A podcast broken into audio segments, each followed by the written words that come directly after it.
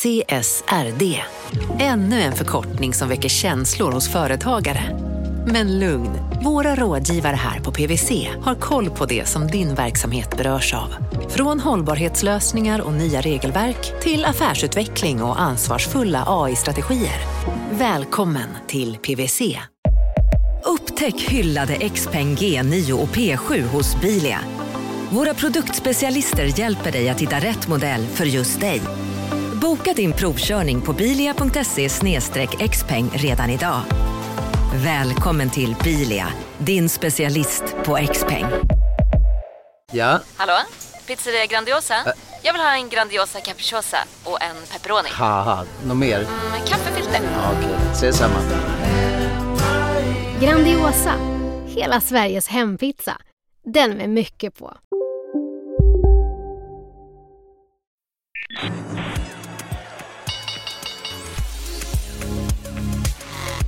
Det här är Affärsvärlden med Helene Rådstein.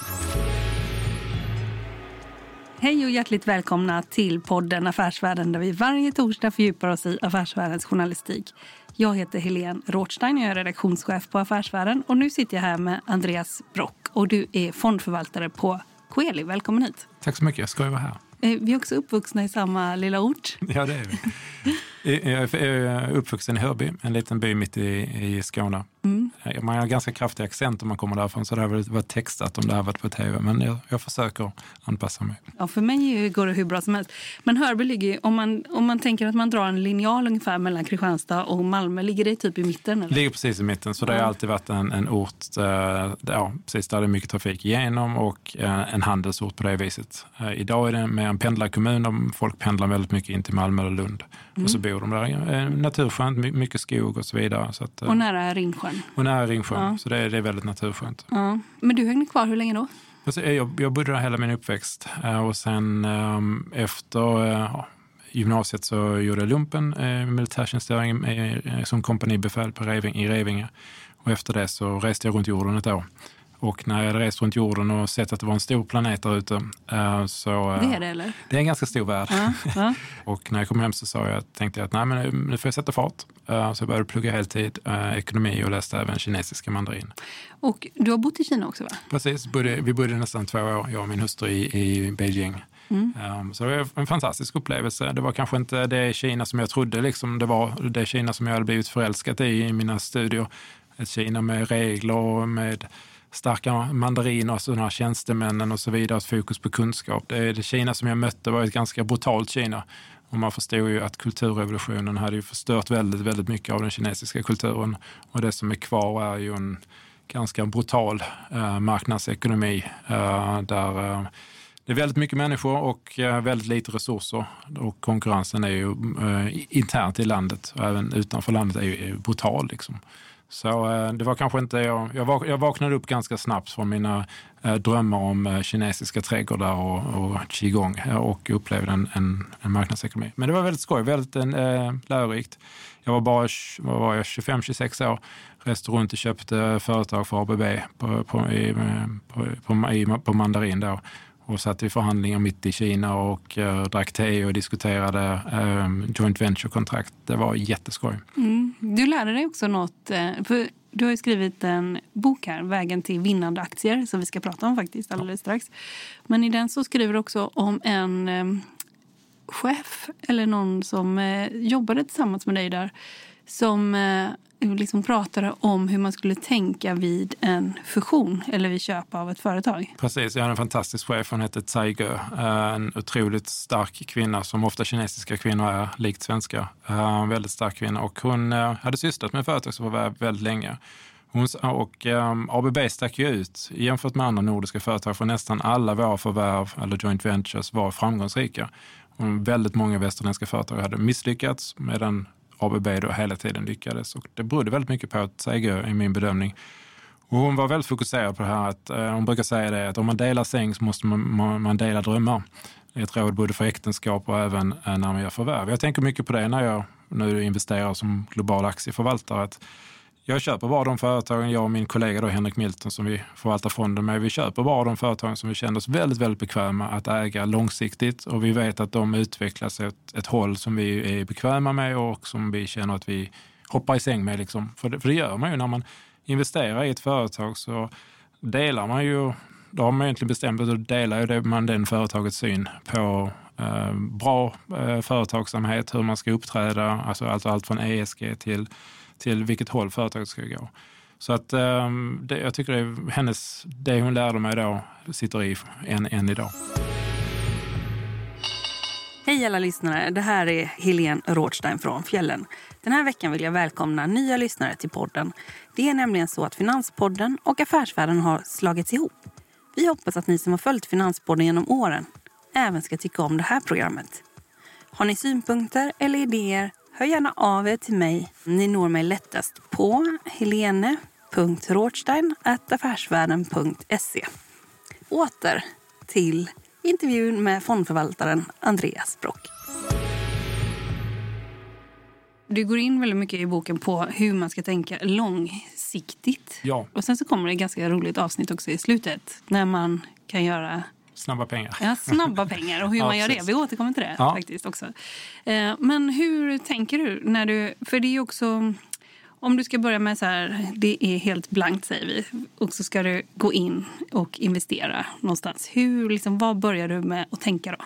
Ja, vi börjar alltid med, um, första ordet är då kvalitet då när vi investerar. Vi vill köpa väldigt fina företag. Det går tillbaka till det som jag berättade tidigare om att de ska vara toppenkvalitet. Liksom. Det andra är ju då tillväxt. Uh, en aktie går ju inte upp om inte företaget växer. Um, grovt förenklat då. Uh, och, och där är det då viktigt att uh, förstå att vissa saker är värda att betala för. Uh, I artikeln som jag gjorde med, med dig nu för några veckor sedan så lyfte jag till exempel upp Visa och Mastercard, de här betalningsföretagen. Och det är aktier som är liksom på, idag nästan på 30 gånger vinsten. Eh, historiskt har den varit på 26-27 och eh, initialt kanske man liksom slås tillbaka av den där värderingen och känner oj, det där vågar jag inte köpa. Men om man verkligen sätter sig ner och tänker på det och räknar på det och så, så finns det företag som har sån stark tillväxt att det är värt att betala för dem. Eh, I boken så tar jag Hennes Mauritz som ett exempel. Att efter aktien hade gått upp hundratals och hundratals procent, och tio gånger pengarna hade du gjort redan, så kunde, kunde du fortfarande då, i början på 90-talet betala P 100 ifall du hade vetat hur företaget ska utvecklas. Och du hade fortfarande tjänat mycket pengar om du hade betalat P 100. Så vissa företag är, är, det, är det helt okej att betala eh, en hög multipel för. Och det är där jag vill bryta lite grann. Så boken, eh, jag, jag, jag har över 200 finansböcker själv hemma. Eh, 230 tror jag. Och jag har läst dem alla. Eh, och det är där jag vill, många av böckerna är så extremt fokuserade på kortsiktiga saker eller liksom eh, väldigt, väldigt värderingsfokuserade. Och, och det jag i boken försöker lyfta fram är att det är okej att vara det. Men om man ska tjäna riktigt mycket pengar över lång tid så måste man fokusera på den långsiktiga bilden, den långsiktiga tillväxten. Och eh, där är värdering en del eh, av, av förklaringen, men kvalitet och tillväxt är viktigare. Alltså, för, om man, eh, för ni är ju då, eller, en, ni är då en aktivt eh, förvaltad global fond. Ja. Du har ju hela världen som du får investera i. Och vi har ju pratat tidigare om, det gjorde vi nog inte nu tror jag, men om indiska banker till exempel. Eh, och de här jättestora liksom, amerikanska betallösnings för, kortföretagen. ju. Precis. Men om vi tar då till exempel Visa och Mastercard eh, som slags case. Varför är det värt att betala mycket för dem nu med tanke på att vi får så många betalningar från så många olika ställen? Precis. Eh, eh, saken med Visa Mastercard är då, och där skiljer de till exempel från American Express. American Express är ett finansföretag och du har ett American Express-kort. Visa Mastercard så har du ju inget Visa Mastercard-kort utan du har ju ett SEB-kort eller Handelsbanken som använder Visa Mastercard-nätverket då. Så eh, Visa Mastercard är ju primär, primärt nätverk, eh, alltså de här betalningsnätverken. Och bara för att liksom göra ett ehm, exempel på hur starka de här nätverken är så har du ju nästan 90 procent av alla betalningar i USA går genom de här två nätverken. Och majoriteten av alla världens pengar går genom de här nätverken. Och det är nästan helt omöjligt. Jag har hört så många historier om även stora företag och även länder, jag bara vill inte gå in på detaljer, men även länder som försöker liksom bryta upp de här nätverken. Och oavsett hur mycket pengar de lägger så kan de inte eh, replikera den här tillgången. Så egentligen hur du egentligen bet- kommer att betala, om, det, om du har en eh, wallet eller vad du väljer, så behöver du använda de här nätverken. Och det är väldigt mycket säkerhet idag. Att din, dina, vet du, varje gång du går och handlar någonting så sätts både tiden och även GPS, eh, alltså eh, var du exakt gjorde den transaktionen. Så du kan ju spåra alla transaktioner det här med säkerhet har blivit väldigt, väldigt, väldigt viktigt. Och har du företag, vi kan ta uh, Mastercard nu, nu växte ju vinsten med um, 26 procent, uh, om minnet uh, stämmer rätt, här nu senaste kvartalet. Uh, och här framåt räknar vi med i alla fall med en 20 procents EPS-tillväxt kommande år. Det betyder att om en tre, fyra år liksom så har hela företaget dubblerats i storlek igen. Uh, om fyra år så har vi dubblerat företaget och då är den här multiplen inte så, så farligt. Vi besökte Visa förra veckan i San Francisco, mm. jag och Henrik. Mm. Och Mastercard i New York uh, tidigare. Precis, New, New York. Så Mastercard är ett östkustföretag, Visa är ett västkustföretag. Mm. Och Visa, de hade 200 powerpoint-slides som bara handlar om tillväxt, om allt som de ska göra. Um, jag kan bara nämna en sak. Det låter som det tog lång tid ja, att ja, sitta och, Eller? Ja, vi fick kortversioner, men, ja. men det var enormt mycket powerpoint. Men ja. bara sån, en sån här liten sak, du vet när du gör internationella bankbetalningar så går det alltid de via Swift-systemet, mm. som är just, finns vars huvudkontor finns här i Europa. Då. Visa har nu byggt sitt eget Swift-system. Uh, så de kommer nu att kunna, kommer nu kunna gå utanför det normala Swift-systemet. Eh, de betalar, eh, handlar väldigt mycket om det business to business, att företag ska kunna börja använda deras nätverk. Eh, det kommer att vara lågmarginal med att du kommer kunna gå direkt företag till företag. Du börjar ändra saker om hur ofta du ska kunna få din lön. Idag får du lön en gång i månaden. Varför får du inte lön en gång i veckan? Det finns jättemycket tillväxt kvar. Så det här betalningsföretagen, ja, multipeln är hög, liksom, men som boken som jag skrivit då, Vägen till vinnande aktier, handlar just liksom att, um, hur man ska tänka när det gäller multiplar. Och, uh, man, det viktiga är att inte vara, vara så rädd för att betala upp. Mm. Sen så gjorde uh, Mastercard en väldigt uh, intressant förvärv i, förra året och i, i Danmark vid ett företag som heter Nets. Mm. Och, en Klarna-konkurrent har man sagt. Precis, mm. jag förstod inte det förvärvet först. Jag tänkte, för Nets växte inte så jättesnabbt. Men idag, eh, efter att ha träffat Mastercard, så förstår jag det, eh, tror jag att jag förstår det. Nets hade en del av det, av Nets var eh, instantaneous betalningar, alltså i realtid. Och den businessen är det som Mastercard tror är den stora framtiden. De har köpt något som heter Vocal Link i USA och nu ska de alltså då slå ihop Nets med Vocal Link för att få skala. Allting handlar om skala. Man måste få upp volymen och du måste få upp så att du får ner enhetskostnaden. Så det är den stora, stora grejen. Så jag tror att vi är på väg mot en... Idag handlar vi master, Mastercard och Visa alltså, som konsumenter. Här framåt så kommer det vara företag som börjar använda nätverken till en mycket högre del. Och det är en mycket, mycket större marknad. Mm, just det. Sen har du också då extremt starka balansräkningar. Du har företagskultur som är fantastisk. För om man tänker så här, i varje transaktion, jag betalar med mitt kort. Ja. Eh, säg att det är Mastercard. Vad va, va får Mastercard då? De får ungefär 0,2 procent. Mm. Sen så måste de skicka vidare de här pengarna till, till deras leverantörer. Och, och, och i, i, en, I en enkel transaktion så kan det vara över 20-30 parter involverade. Folk som gör säkerhet, folk som ska bankerna och så vidare. Men de tar 0,2 procent. Sen så finns det något som heter Merchant Acquirers och det är den som har själva relationen med restaurangen eller taxichauffören. De tar ju då um, runda slänga 1,5-1,6 procent. Den businessen identifierade vi i fonden för nästan fyra år sedan mm. och sa att det här är ju en fantastisk business. Och där har det varit flera sammanslagningar? Och det, och det bara fortsätter och fortsätter. Mm. Och det var vår, vår take. Och, um, tidigt i industrin så hade vi en tes om att de här, de här företagen kommer att slås ihop tills de är 100 miljarder dollar i market cap för att kunna liksom matcha Mastercard och Visa. Och företagen heter? För nu är det tre stora amerikanska jättar. Precis. Mm. Um, uh, ja, i, i, Europa så har du företag som heter Wirecard uh, och Worldline. I USA så har du Global Payment uh, som vi äger då och sen så har du Pfizer som vi också äger och sen så har du något som är Fidelity. Då. Men, men vi fokuserar Pfizer och Global Payment äger vi då. så vi äger egentligen um, liksom två av de här eh, businessen. Då. Så de konsoliderar, det här är en industri som kommer fortsätta att konsolideras. Nu har snart Europa och USA konsoliderat ihop. Nästa efter det blir cross-border. Eh, det har börjat ske en del eh, uppköp där också, men det här kommer att slås ihop till globala jättar. Efter det så kommer vi börja konsolidera Afrika. Uh, där har Mastercard redan nu tagit en liten position i ett företag. Uh, um, i, som heter Network International som är baserat i Dubai. Um, men eh, sen kommer Afrika att konsolideras och sen har, har vi Indien kvar också då. Uh, men det här, du, för du får sådana enorma skalfördelar. Kanske helt enkelt den, min lilla transaktion som jag gör, den kostar ju ingenting. Uh, så alla nya transaktioner har en marginalkostnad på noll men vinsten är 0,2 procent eller 1,6 för merchant acquirers. Så du vill ju ha konsolidering i den här branschen. Mm. Och den ännu större bilden, om, om jag får säga det Helene, den större bilden här är ju det vi kallar globala techkrigen. Det är Kina mot USA. Mm. Uh, och uh, det, här, det här har ju, det är ju fullt, det är fullt techkrig där ute liksom. Så vi tror inte för fem sekunder på det här om att USA skulle börja bryta upp sina techföretag. Det är liksom det är bara, Nej, det tror jag inte. Inte så som eh, Elizabeth Warren och sådär har det är bara pratat om. Jag tror bara det är ett helt spel för, spel, Nej, för, spel för gallerierna. Skulle du, det är ett techkrig där ute mm. uh, och uh, det är egentligen kallt krig snart mellan USA och Kina. Liksom.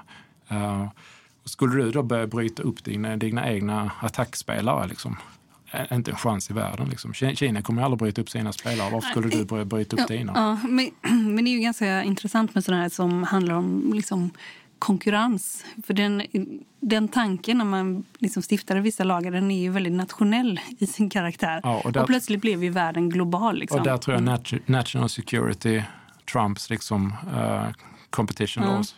För det, det, det, det är det vad det handlar om. Ja. Bara, bara för att sätta saker och ting i perspektiv. Liksom.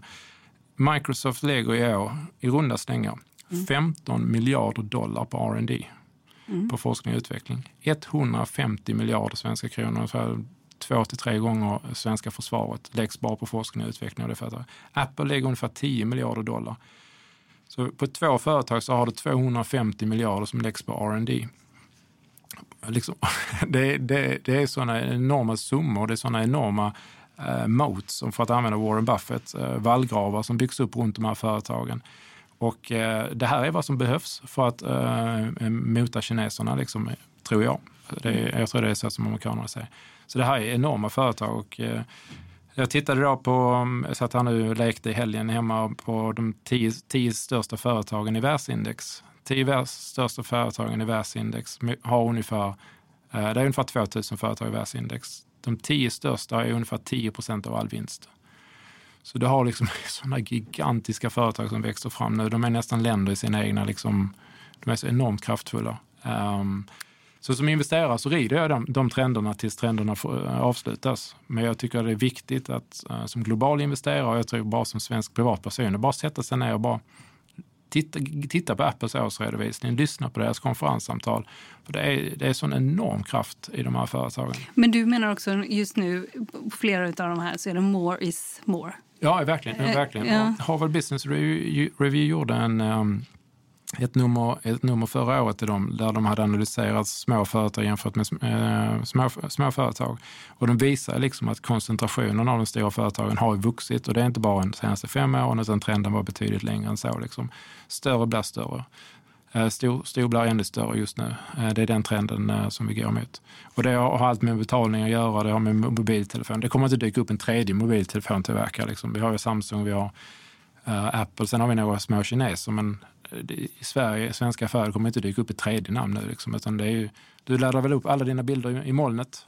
Mm. Uh, ja, och så betalar du 49 kronor i månaden. Ja, men jag, ja, men jag fick någon faktura här nu från eh, Google och jag var lite... Vad, är, vad avser den här egentligen? Ja. Alltså 19 kronor var det. Ja, ja precis. Så ja. det börjar lågt pris ja, och sen ja. så kommer de höja ja. allt eftersom. Det är jättesmart ju.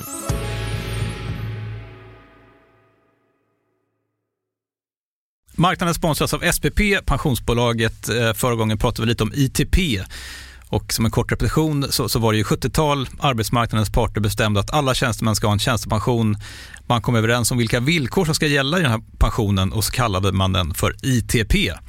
Så jobbar man idag som tjänsteman i ett företag med kollektivavtal, då har man förmodligen den här pensionen, ITP-pensionen. Eh, och det är ju så att man kan påverka eh, den här pensionen, hur den är placerad. Vart femte år så gör nämligen Collectum, som de heter, en enorm upphandling där olika pensionsbolag kan ansöka om att få förvalta eh, de här pensionerna. Och SPP är ett av bolagen som valdes ut i den senaste upphandlingen. Och sen kan du som pensionssparare välja eh, vilket av de här olika pensionsbolagen som, som då ska få ta hand om dina pengar. Och tanken med den här upphandlingen det är ju att liksom kvalitetssäkra de här olika alternativen eh, men också att förhandla fram stora rabatter så att pensionsspararna ska få, ja, kunna spara pengar genom att avgifterna eh, som är så viktiga eh, blir eh, lägre. Och vill man välja någonting i ITP-systemet då finns det en relativt ny sajt som heter avtalat.se. Ehm, där kan man gå in och se hur sin ITP-pension är placerad. Jag gjorde det häromdagen faktiskt. Ehm, idén är att hälften av pengarna alltid ligger i något som kallas för traditionell försäkring.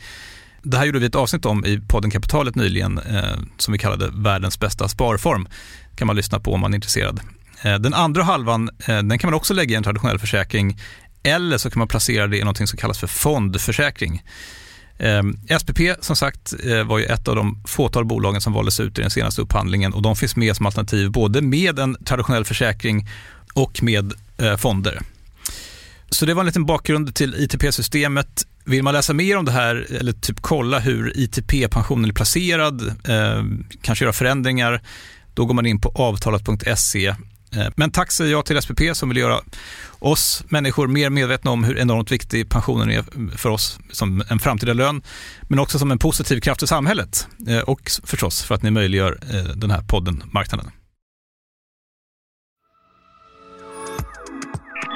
Du lyssnar på Affärsvärlden Magasin med Helene Rådstein.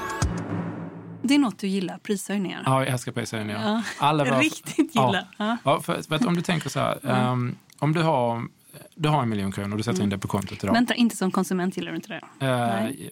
Ja, kan Ja. göra. Ja, det, det, det, det beror på vad man får för pengarna. Men du gillar det, det som beror på vad man investerare? får för pengar. Ja, som Ja. investerare älskar jag det. Om vi tar så här, du sätter in en miljon på kontot idag. Mm. Och så sätter du in det och, så, och nästa år så tittar du på kontot och så står det en miljon. Men det gör det inte. Du har förlorat pengar. Du har, du har inflation. Eh, Vi kan mäta den som, som Ingves vill eller så kan vi mäta den som, som den är i verkligheten med huspriser och så vidare. Ska vi säga att det är en 3% inflation? Mm. Ja, det, är, sjukt- Eller- det är sjukt att husen inte är med där. Eller, ett, eller fyra liksom, i Stockholm. Eh, Så nästa år så är det inte en miljon utan det är 960 000. Mm. Eh, och nästa år efter det så är det 920 och så håller vi på sådär. Mm. Eh, det är jätteviktigt att jag skyddar mina andelsägares pengar från det konstanta ehm, ka- katastrofen som heter inflation. Jag måste skydda mina andelsägare pengar. Och mitt jobb är att se till att mina företag kan höja sina priser. Eh, och, det, och det är en fråga som vi har på, liksom, när vi är ute och träffar alla våra företag. Kan ni höja priserna? Företagsinflation, Ja, typ. ja, de måste kunna skicka vidare Mm. prishöjningar Mm. utan problem. Mm. Eh, För då vet jag att även om inte vi får volymökningar i, i mina företag så kan de i alla fall höja priset Mm. och då skyddar mina andelsägare pengar över tid. Mm. Och, då, och där tittar du också på lönsamhet liksom, eh, det, som grund. Är det Precis. troligt att man kan få se prishöjningar här? Ja, och, och det är så att företag med hög, hög lönsamhet är ofta bra företag. Företag med låg lönsamhet är dåliga företag. Precis som jag brukar säga. Och nu, nu sticker jag ut här, jag ber om ursäkt för alla småföretagare där ute, men små företag är ofta dåliga företag. Och stora företag, ja jag vet, jag vet, det är kontroversiellt, men om du tänker dig, folk brukar klaga på Hennes och Mauritz, ja de är inte bra, men okej, men gå in och titta hur det går för Kappahl då, hur det går det för Lindex, hur går det för de andra små företagen. Lindex stod inte över världen på samma sätt som Hennes och Mauritz gjorde av olika anledningar. Jag kan inte exakt historia, men det är ju förmodligen för att Hennes och Mauritz var ett bättre företag. Så när du tittar på små företag, eh, och de är om de inte är väldigt fokuserade på en liten nisch, de är i Småland och det är en verkstad som gör en väldigt liten sak specialiserat. Men, de är, men eh, om de har funnits i 30-40 år, om de fortfarande är ett litet företag, då är det förmodligen för att det är ett ganska dåligt företag. Det de gör bryr sig kunderna inte över. Likaså med lönsamhet. Är ett företag inte lönsamt så är det förmodligen, de adderar inte sådär jättemycket värde. För ett företag som är väldigt lönsamt, som tar, så Atlas Copco, det är för att deras produkter är bäst. Deras kompressorer, jag eh, gjorde en stor analys när jag var eh, analytiker på eh, Nordea ett tag. Där, ehm, jag och min kollega, då, eller framförallt min kollega, då, gjorde en stor analys på kompressorer och tittade liksom på effektiviteten. Atlas Copco var bäst. Och därför har de också högst marginal. Så jag gillar stora företag gärna. Jag gillar lönsamma företag. Eller små nischade företag. Men lönsamhet är Du är en elitist när det kommer till det här. Nej, men lönsamhet. De ska, måste vara mycket lönsamma. Ja, men men eh, jag tänker också om man tittar på små, alltså, små företag så kan det ju vara att de kan ju lyckas med någonting. Ja, men absolut. små unga företag. Ja. Men är det inte skillnad på det då? Om, det, Jo, det- om de är unga jo. eller om de är äldre? Ja. Precis, det beror väldigt mycket på industrin. Så ofta Ja. är industrin mycket mer intressant att analysera än företagen. Och- som biotech eller vad det Precis. vara. Ja. eller säg som där med betalningar, eh, merchant acquiring. Det var en ganska ny industri Mm. för 10-15 år sedan. Och då är det okej om man är liten och industrin precis har Mm. skapats. Vi kan ta en, en liten, ehm, jag gillar inte Facebook som företag, men en liten Facebook eh, när de kom, liksom, de var ju börsnoterades, eller när Google börsnoterades. Liksom.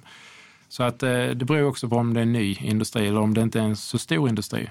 Det kan vara dataspelsindustrin är inte världens största industri. Det är en stor industri, men där kan man liksom nischa in sig.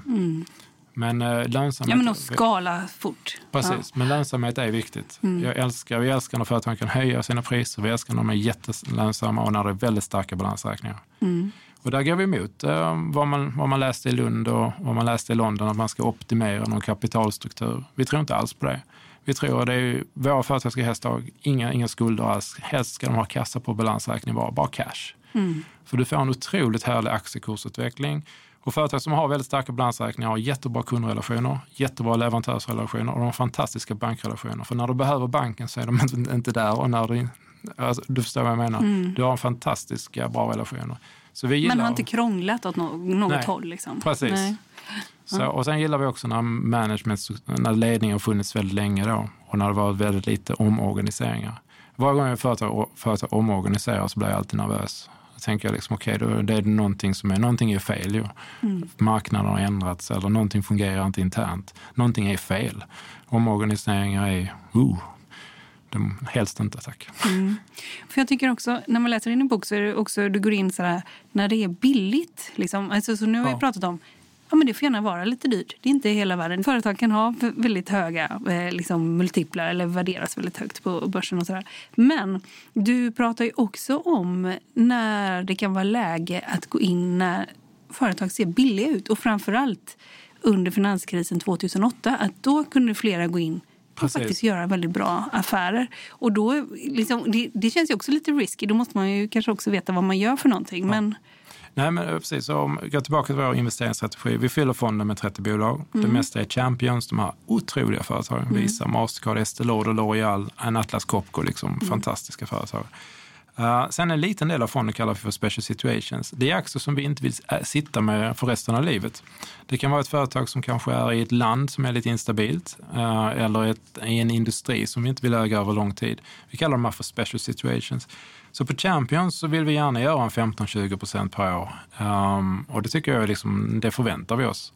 Uh, däremot på en special situation så vill vi gärna göra en 50-100 procent per år. Det finns inte så många special situations och ofta så finns de i de områden som har haft lite problem.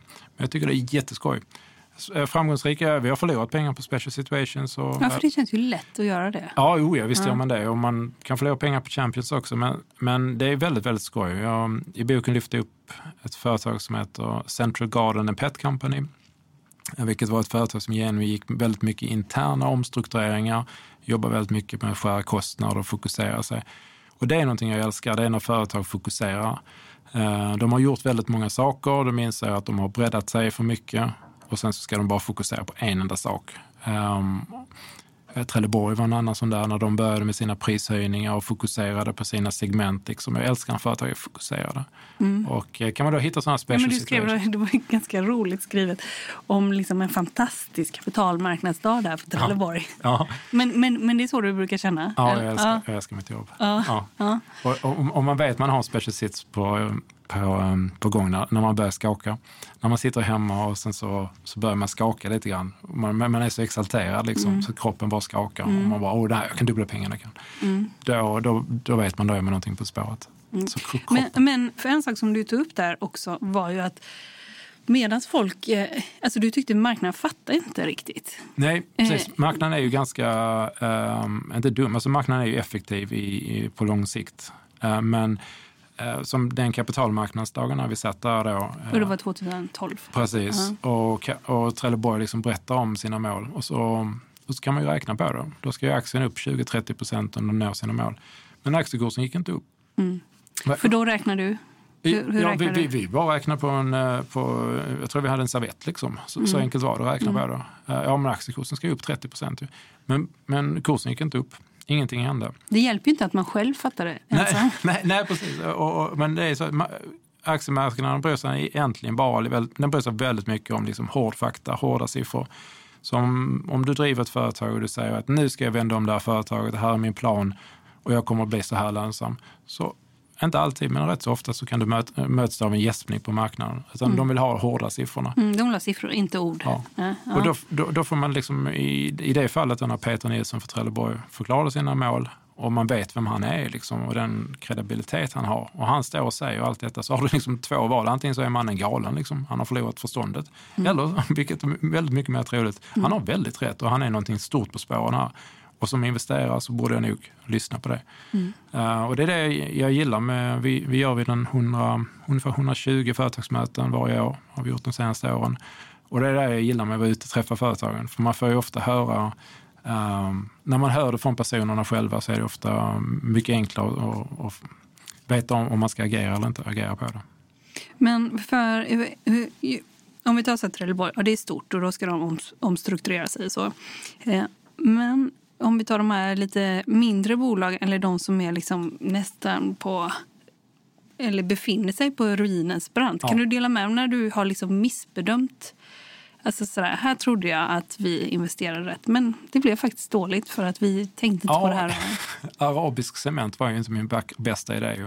Arabisk cement. Nej, det var ett företag som heter Arabisk Cement nere i, i Egypten. Då. Jag gillar cementindustrin, det är en väldigt rolig industri. Eh, väldigt få globala spelare och så vidare. Och eh, vi trodde verkligen att uh, det här företaget, eh, att det hade vänt. Eh, vi räknade på priserna, på cementpriserna, de skulle upp. Uh, vad vi glömde bort var ju då att den egyptiska armén började bygga enormt mycket kapacitet och egyptiska armén verkar inte fatta någonting om, om lönsamhet. De hade i alla fall inte fokus på det, så de förstörde hela den egyptiska cementmarknaden. Så där hade vi köpt en special sits, vi skulle tjäna 100 på, på ett år och sen så var det en faktor som vi inte hade någon som helst koll på. Och det var väl också Eh, vi, vad, vi skulle åkt, vad vi skulle gjort är att vi skulle åkt ner där och tagit möte med egyptiska militären. Men jag vet faktiskt inte hur jag hade fixat ett möte med dem.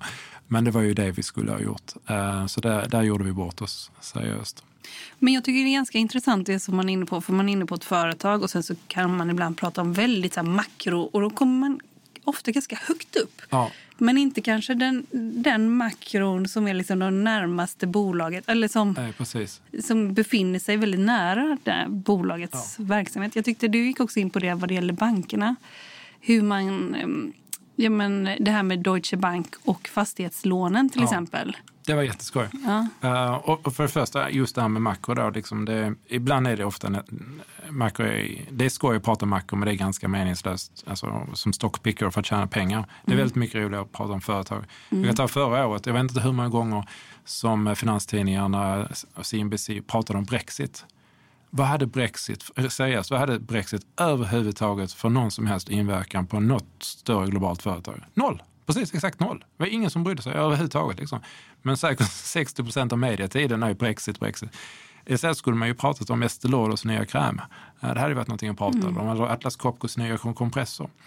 Men eh, tillbaka, ibland kan man då... Eh, Jag menar så här, snacka, man kan snacka lite mer produkter Ja, också. prata Vad produkterna. Ja, och kan ni höja priserna? Kommer ni Ja. införa några prishöjningar? Ja. Mm. Det är ju spännande nyheter, för det kan jag ju göra någonting med. Om Brexit hit och dit. Mm, kan jag Eh, med, så. Ja. Men, men, eh, men en gång när, jag tjänade, när vi lyckades tjäna pengar på um, Mac och det var, um, vi var, var på en Deutsche Bank-presentation, jag var, jag följde dem, den banken, uh, det här för många år sedan nu. Um, och de gjorde en stor presentation där de berättade om hur mycket, uh, mer eller mindre så sa de så här att tyska bostadslån är riskfria.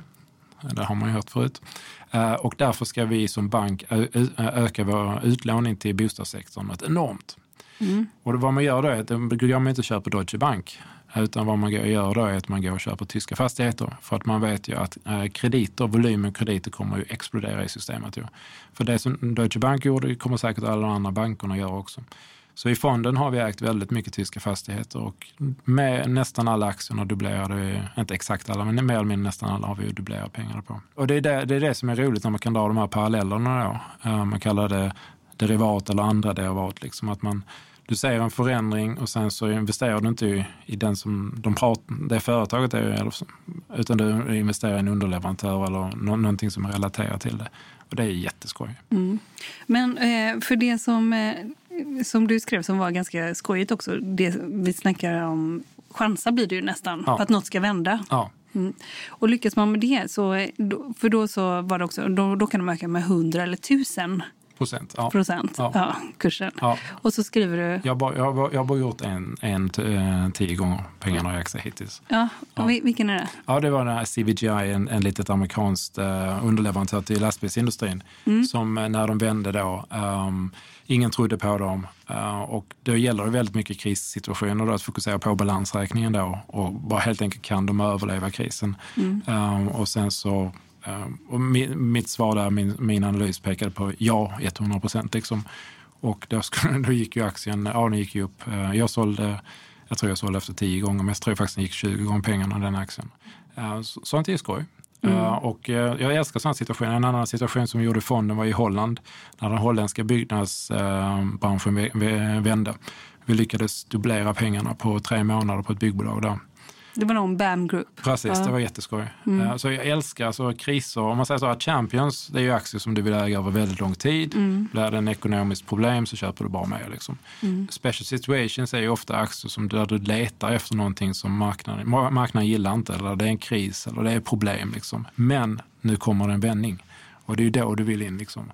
Ja, för det är ju ganska kul. Du behöver bara lyckas tre gånger. Ja, ja, så har du Nej, blivit. eller, eller om du börjar med tusen. Ja. Du, du börjar med tusen dollar. gånger. Precis. Eller hur? Ja, men så, du sätter tusen pengar, du gör tio gånger. Eh, då har du 10 000, tio gånger till 100, så tio gånger till så har du en miljon. Ja. Och det, och det Lätt. Gäller, ja, det är lätt. Det gäller bara att hitta dem där. Och då får man ofta ut och gräva där det, är, där, där det är väldigt mycket problem. Ett sånt land som, jag skulle, som har väldigt mycket problem, det är Turkiet. Ja.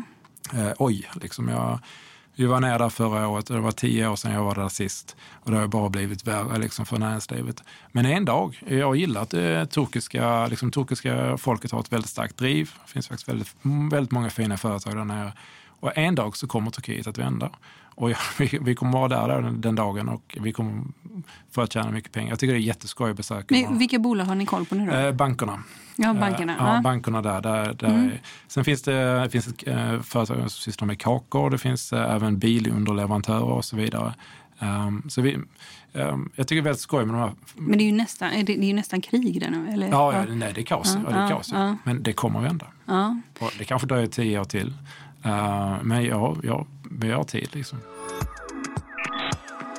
Du lyssnar på Affärsvärlden med Helene Rådstein. Eh, Marknaden sponsras av Karla. Eh, Vi pratar ju en hel del om bilar här- på kontoret. Eh, Karla har ju skapat, skulle jag säga, det som är standarden för hur man idag köper och säljer bilar eh, på nätet.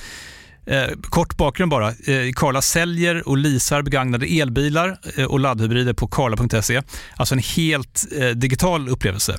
Och man har gjort det här med ett nästan maniskt fokus på vad en bilköpare faktiskt behöver. Jag gjorde ju en intervju med en av grundarna, Patrik Illerstig, i marknaden här eh, ganska nyligen, eh, daterad 25 mars, om man vill lyssna på den. Eh, men där berättar han hur de kom in i det här lite från vänster för att försöka uppfinna hela den här liksom bilköpupplevelsen från början. Och de har idag, vilket är rätt otroligt, 4,8 i betyg eh, på Trustpilot. Jag, jag har sett många företagssidor på Trustpilot, men det här är nog bland eh, det bästa jag någonsin sett faktiskt. Man kan sälja bilen till Karla också. Eh, då går man in på karla.se, delar lite info om bilen, sen får man en gratis värdering och ett bud. De hämtar bilen helt gratis i hela Sverige och så har man pengarna på kontot i samma stund som de hämtar bilen. Det är grymt. Eh, så ska du köpa en ny bil eller sälja din gamla, eller båda delar för den delen, gå in på karla.se och eh, kolla. Alltså karla.se och Karla stavas med C. Tack så mycket till Karla. Nu då? Ifall du skulle göra någon eh, ten baggers nu. Vilken industri tycker du är... Shipping. Ja. Jag tror det finns inte någonting mer som är mer hatat än shipping just nu. Jesus vad det är hatat. Um, det är ju liksom, det är ju katastrof. Liksom. Det, har ju, det tar ju aldrig slut. Uh, det är liksom, shipping rates är nere på botten liksom, och fram, nu efter coronaviruset så är det ju helt ut. Uh, den, um, den är på min radar fram. Jag vet inte om, om vi kommer att göra det, men vi har gjort shipping tidigare och tjänat pengar och uh, det har varit väldigt skoj. Um, så den, det- Kan du nämna något bolag? Nej. Nej, nej, det vill jag inte göra. Nej. Um, jag får alltid äta upp det sen. Ja, ja. Um, nej, men problemet just nu är att världen mår väldigt, väldigt bra. Alltså, om man säger så, eh, med, jag tror aldrig världen varit lyckligare. Eh, Konsumenten i USA är överlycklig. Europeiska konsumenten är mycket, mycket glad. Så då har ju ungefär typ 900 miljoner människor som är jätteglada. Och eh, indierna är glada, japanerna är glada. Eh, liksom, världen är superlycklig. Och för att jag ska göra ten bagels, Det är ju några flyktingar där i Turkiet. De det, är det är inte det. glada. Mellanöstern verkar ha en tendens att alltid ha problem. Ja. Men, men eh, rent allmänt så är ju världen ju, eh, och det blir det ju. Men om du sänker priset på pengar globalt till Mm. typ noll, eh, eller en, en och en halv, liksom, då blir jätteglada. jätteglada. Mm. Så just nu så är det ju inga... eh, Just nu är vi mer oroliga liksom och be- bevakar väldigt mycket att det inte blir för överhettat. Mm. eh, än att... ehm, ehm, så ja, det är mer där fokuset ligger just nu. Mm. Jag säger tack till dig, Andreas Brock, för Ja. att du var med i podden Affärsvärlden. Jättekul. Tack för att jag fick komma. Du har lyssnat på en podd från Affärsvärlden. Jag heter Helene Rothstein. Mer fördjupande journalistik om näringslivet finns både på nätet och i Sveriges äldsta och faktiskt bästa affärsmagasin. Du hittar oss enklast på affärsvärlden.se och podden den är tillbaka om en vecka. Håll ut, hej då!